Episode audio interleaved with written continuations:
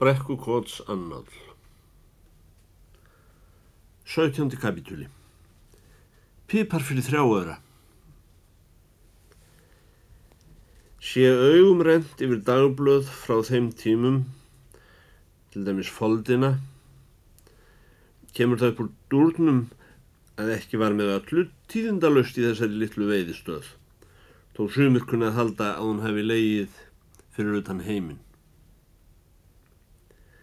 Einmitt þessa daga berast þau tíðindi um landið að söngvarinn okkar frægi hafi nú skrifað hinnu háa alþingi bref. Í brefi þessu leiði hann sér að tjá lögjöfum að vegna nafnfræðar sinnar sem þó var meiri orðin í heiminum fyrir Guðs miskun en sjálfs hans verðskuldan. Þá um, var nú orðið óþarft að hölda kind sem vinnur hörðum höndum á Íslandi yrði framar íþyngt með sköttum honum til handa. Veitti með brefi þessu afkall til fjár er honum hafi verið ánafnað úr landsjóði. Væri tími tilkomin, saði brefinu, að hér yrði skiptum hlutverk. Lægin er að hann hnoðaði bændum og fiskimönnum þessa hjara þjættan leir upp frá þeim degi. Um leið þakkaði hann alþingi fúlgur er það hefði fram að því veitt honum af almanna fjö á Íslandi til að efla menningu í úrlöndum. Göfúlindi landstjórnar talaði sínu máli um það að svo þjóð sem hér byggði vildi enn upphalda merki fornsögunar. Yfir þessu brefi var prentu mynd af Garðari Hólm einhver hinn fyrsta mannamynd í íslenskum dagblöðum og hinn stærsta sem prentuð var á þeim vettvangi allt til þess dags er Danakonungur kom til landsins nokkrum árum síðar.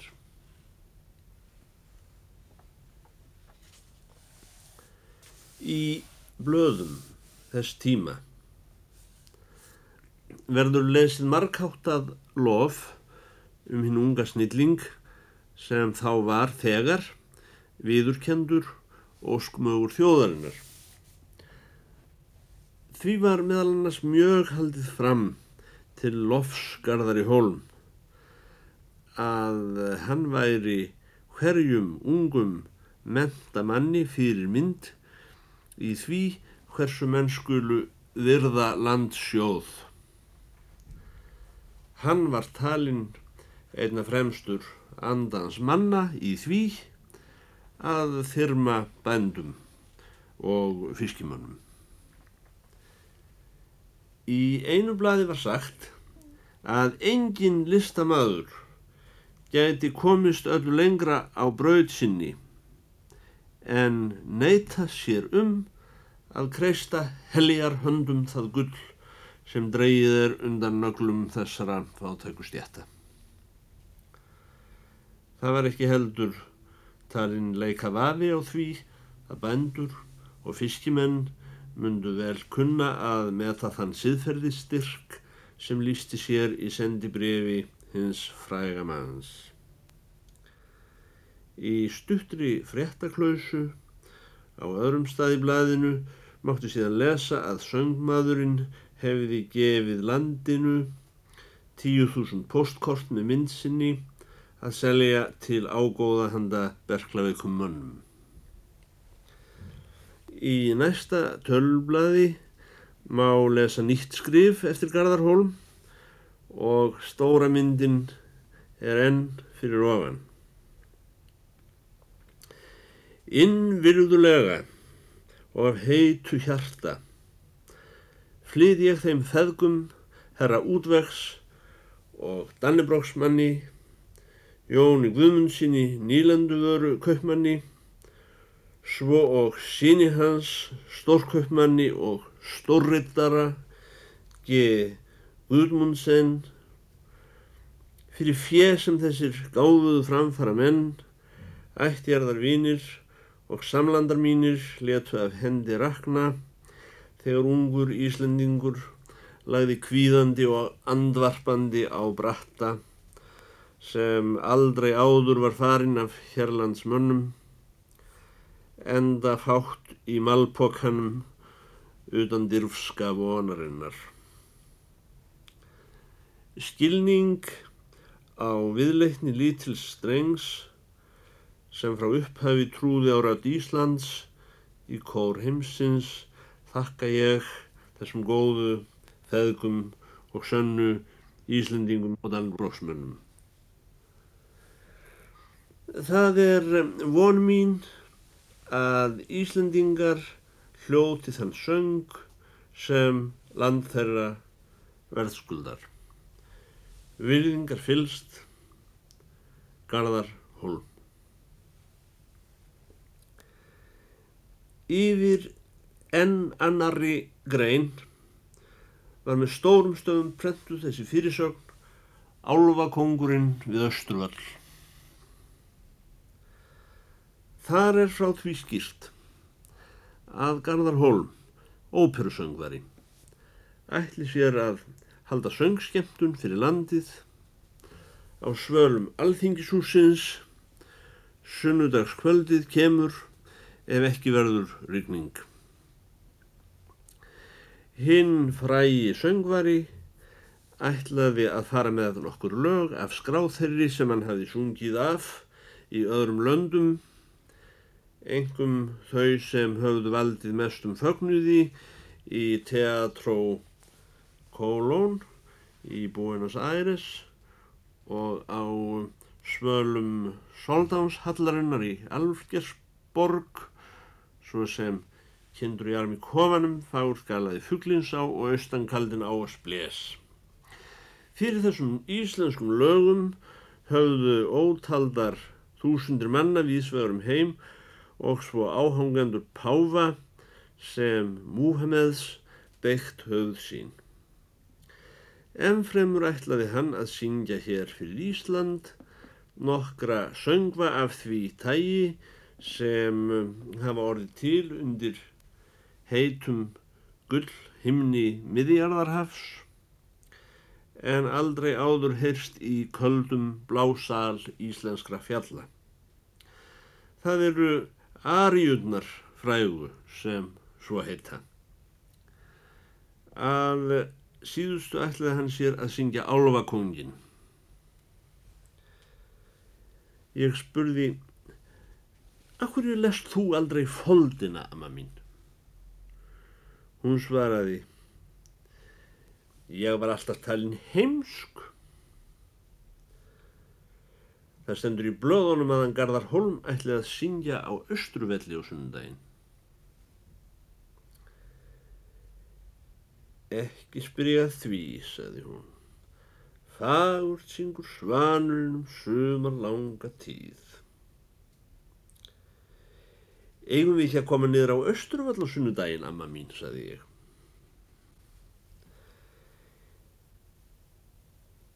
Ég held nú að hann söng sem við heyrum ekki hér í brekkukoti, sækjum við ekki niður á Östruvall, skefnan mín, saði amma mín. Já, þá fer ég einn, saði ég. Hún saði, gerð þú það? Ég er hvort þið er búin að heyra minn söng og segi, segi á. En þú átt eftir að heyra þinn söng, far þú. Og gáða Guði eins og nama mín var vön að segja. Allt um það bauð mér í grön. Að fáir hlutir yrðu mönnum meira umhugsunarefni báðu megin við kirkjugarðin. Ég held það sé ekki of djúpt tekið í árinni þó ég segi að bærin og þjóðin, landið og loftið byðu eftir þessum söng. Kirkjugarðurinn og allt hans æfintýra líf hvarf mér út við sjónring þessa daga, bjöllurnar tvær hættu að óma, tífið hvarf úr klukkunni. Á einum slíkum til hlökkunar degi, rétt á undan sögnum við Östruvöll. Þá var ég sendur snöttuferð onni bæ fyrir hana ömmu mína. Og er að ganga á laungu stjætt sem höfðgatan í bænum var kölluðið þann dýð e, þar sem Gúðmúsens verslun stóð og svo prestaskólinn og Hotel Dísland þetta var rétt upp úr hádegin það var þurkur Ég var að horfa á skreiðarlest taka sig upp. En í þá daga kiptu bændur hert hausbein úr þoski og fluttu í klifjum austri síslur stundum álíka langan veg, mældan í dagleiðum, eins og frá Parísarborg til Peking, um ótal sveitir, yfir fjöll og heiðar, sanda, klungur og ströymvötn. Það var stórum tilkomi mikil sjón að sjá svona lest taka sig upp. Hún hefði kringum sig andrumsloft, fjarlagra staða eistra. Það var allt í einu tekið um hökun á mér. Mér syndist þetta vera ég sjálfur, segir Garðar Holm sem er að ganga út með stafinn sinn eins og aðrir fínir menn. Ég gómdi fyrst á mann og vafðist tunga um tönn en svaraði á lokum. Nei, það er ég. Hvað erst að gera, saði hann. Ég er að kaupa pipar fyrir þrjáöra, saði ég. Alveg eins og ég, saði hann. Má ekki bjóðið neitt. Nei, saði ég. Ekki einu sinni fimmur að köku, saði hann. Það er alveg óþarfi, saði ég. Rjómakaka, lítið stærri en fimmeringur, kostaði í þann tíð álíka mikið og fiskur handa tíu manns.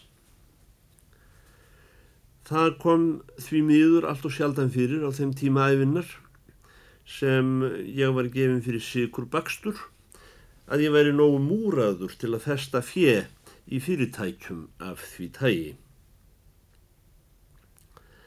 Þetta lostæti hafði auk þess einn og kost og hann var sá að það var ekki hægt að halda því upp í sér nema brot úr andartæki.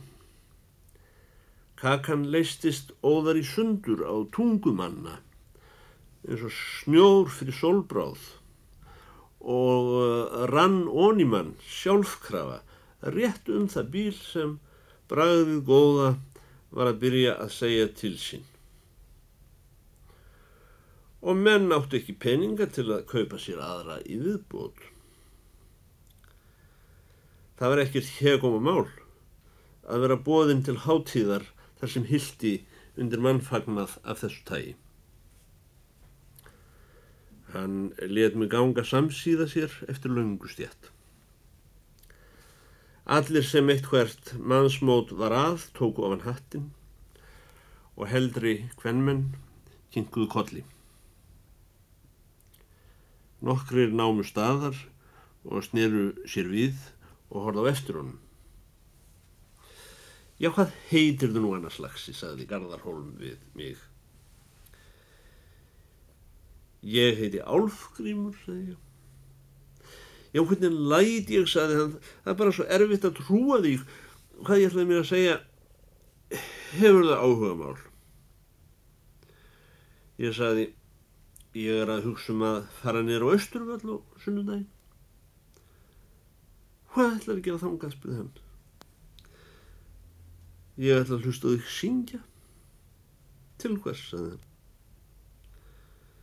Ég hugsaði mig um stundarkorn og svaraði. Mér langar að heyra dálítið. Dálítið, saði hann. Hvað áttu við? Mér langar svo að heyra þennan reyna tón. Garðarholm vaknaði allt í einu eins og svefnganga á miðri götu, namn staðar og horfi á mig. Hvað segir barn? sagði hann á lókum. Hvernig talarðu? Þá fór allt í einu að mér feimnin og ég horfi á hann á móti. Og legg ég ekki fyrir hann eins og ekkert væri þarna á miðri laungustjætt þessa spurningu sem hefur verið að brjótast í mér í þrjú ár.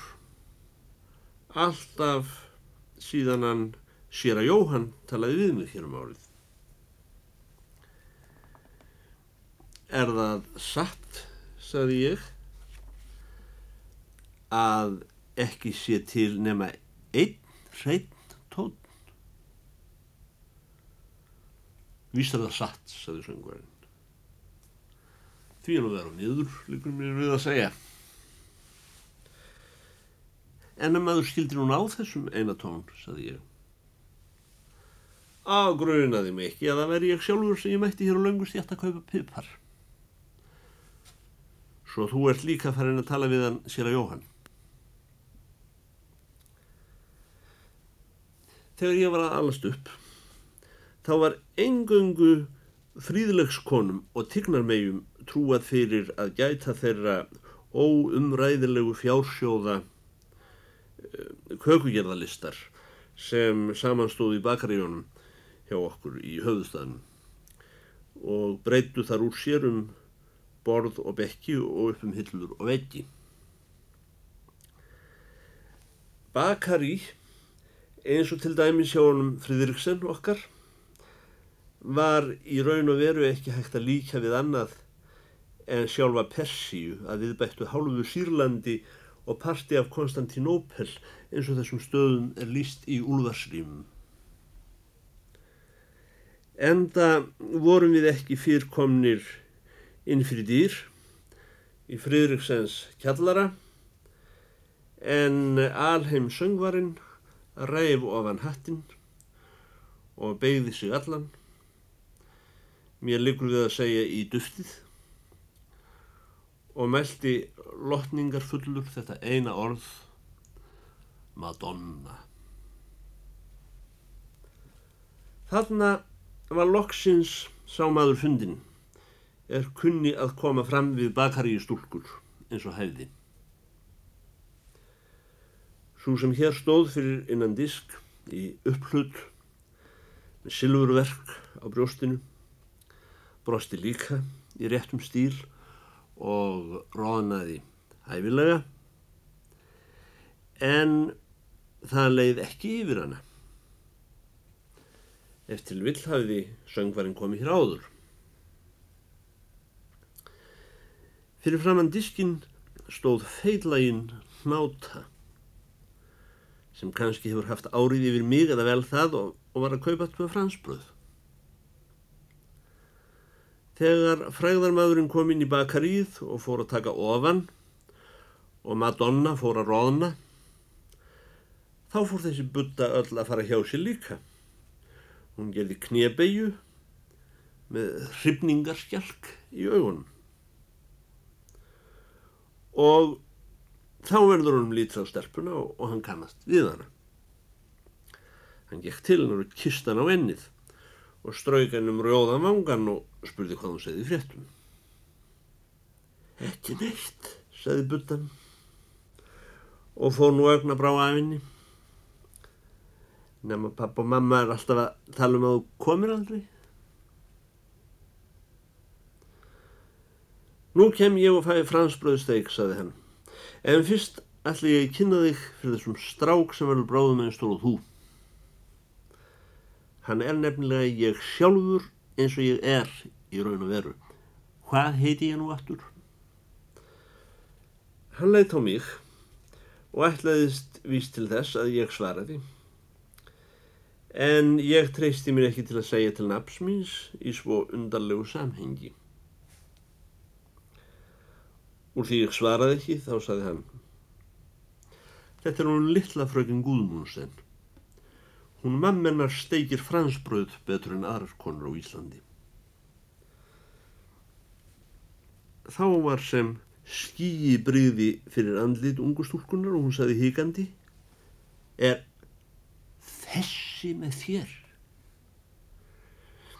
Við erum hvert með öðru bönningóð. Gerið svo vel, fáið ykkur fimmuraköku. Nei takk, saði stelpan og helt áfram að mæla mig út skilningslöst. Ég er að flýta mér heim. Ekkert líkur álitla fröken, saði hann. Madonna mætti ég byrjuður að húka í þetta breyða hvítafat sem stendur þarna á fæti. Madonna setti fat fyrir okkur, þakkið rjómakökum á búðarborðið. Mannin næstum því leið fyrir brjóst af andlegri og líkamlegri sælu að horfa á þessi gómsætu listaverk. Ég er svo vel, kæru börn, saði Garðar Hólm. Ég fekk mér köku og ætlaði að borða hana af hæversku eftir því sem mér hafi verið kent. Ég var meira að segja að reyna að útsirkla þá köku sem væri einna fábreytilegust að lit og lögun. Því amma mín hafði lagt ríkt á við mig ef ég væri einhver stað gestur að velja einlegt og á sjálegasta bítan. En ef tekinu svona kaka og ferði að býta í hana hæfesklega þá verður bísna lítið úrinni nema lítilsáttar vilsa á puttunum. En þá verður mér lítið til og sé hvar söngvarinn sjálfur er tekinn til við kökunar. Það er ekki ofsagt að hann hafi farið að við kökur eins og svo sem vald hafiði. Því líkar aðfarir hafði ég ekki séð fyrr. Að minnstakosti var ekki verið að velja ljótustu kökuna fyrst. Littla frökun Gúðmúnsen horfi á líka og Madonna brosti við hverja köku sem hvarf og ný söngvaran. Því þær hurfu, eða réttar að sagt runnu onni hann, í stríðum ströymum, hver á fætur annari, stundum tvær og þrjár í senn. Meðan hann át. Lindi hann ekki látum að skora á okkur kæru börn. Að gera svo vel. Mér fjall svo rækilega allur ketill í eld að ég man ekki ljóst hvort ég hætti mér nokkun tíma út í köku nr. 2 það er eins og mjög minni að ég hefi látið mér næja að standa þarna uppi eins og hverannar glópaldi með vilsuna úr númer eitt á puttanum. Jésús, saði litla frökun Guðmundsson. Það rýður á að hestús að það er áður neðar súrna, saði Garðarholm. En það var fatið bráðum tómt. Einu að byggja Madonnu um annað fat. Já, saði litla frökun Guðmundsson og tók andköf. Þetta ætti hann pappa sjá, sem alltaf segir úldin fiskur sé bestur. Eða hún mamma, sem segir það ég vera stekt fransbröð. Garðar Holm þurkaði sér um munnin með vasaklúknum sínum og hlóað okkur. Vormæð, Madonna, hann fór hún í vasa sinn og let ringla í einhverju tók síðan fram handfylli sína af gullpenningum. Hann kastaði einum peningi upp á fatið temda og sagði Vesku Madonna. Jésús, sagði litla fröðum Guðmundsson. Er þetta ekta gullpenningur? Það er ekki til ekta gull, börningu, sagði hann. Gull er í eðli sínu óekta. Jésús, sagði litla fröðum Guðmúsin. Ég get því miður ekki skipt, sagði Madonna og skoðaði peningin báðu meginn frá. Svona miklu peningar hafa aldrei komið í kassan hjá mér í einu síðan ég kom hingað. Þér verða að tala við Fríðriksson sjálfan. Lótu það býða þangu til næst, sagði Garðar Hólm. Adjö, Madonna. Nei, sagði Madonna. Ég tek það ekki mál. Það er valla ég þó að reynu svona að koma við hann. Ég myndi ekki hafa ró í mínum beinum að vita að nálegt mér. Garðar Holm var komin hálfur upp úr kjallarann og hafði tekið yfir axlir mér og enni fröken Gúðmúnsen eins og hann ætti okkur bæði jæmt. Madonna kom hlaupandi á eftir okkur með peningin. Ég grátt byður Garðar Holm takið frá mér þennan gullpinningiðar, sagði hún.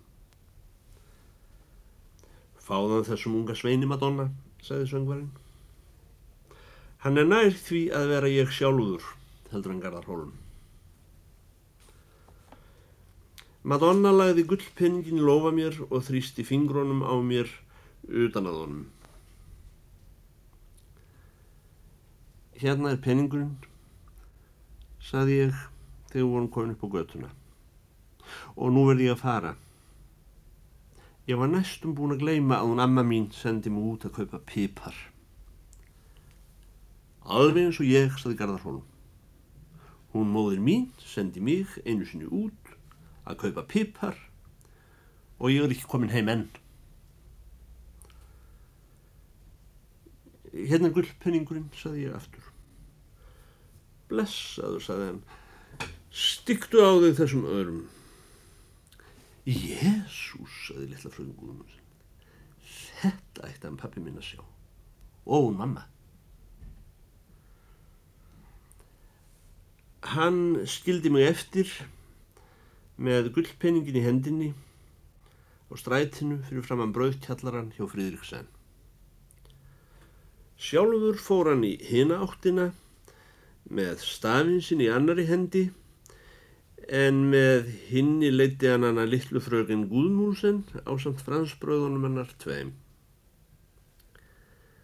En þegar hann var komin steinsnar undan, mundan allt í einu eftir lítilræði, snýri sér á hæli og kallaði til mín þar sem ég stóð enn með gullpinningin.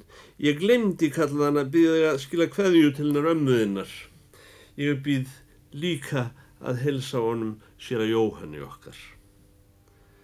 Segð honum að hann hafi haft rétt fyrir sér.